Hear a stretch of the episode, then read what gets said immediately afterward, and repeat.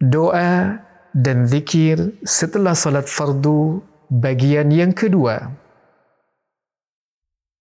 La ilaha illallah wahdah la syarika lah.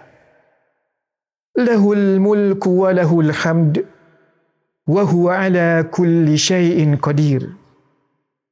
Allahumma la mani'a lima a'taita ولا معطي لما منعت ولا ينفع ذا الجد منك الجد لا إله tidak ada ilah yang berhak diibadahi dengan benar illallah wahda kecuali hanya Allah yang maha esa la syarikalah tidak ada sekutu baginya lahul mulku wa lahul hamd baginya segala kerajaan dan baginya segala pujian.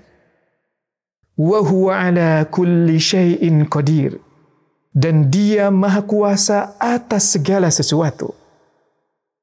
Allahumma, Ya Allah, Ya Tuhanku. La mani'a lima a'taita.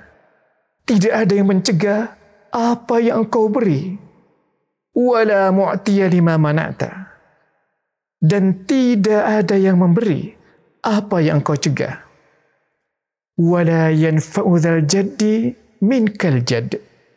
Dan tidak berguna kekayaan dan kemuliaan bagi pemiliknya di hadapan engkau ya Allah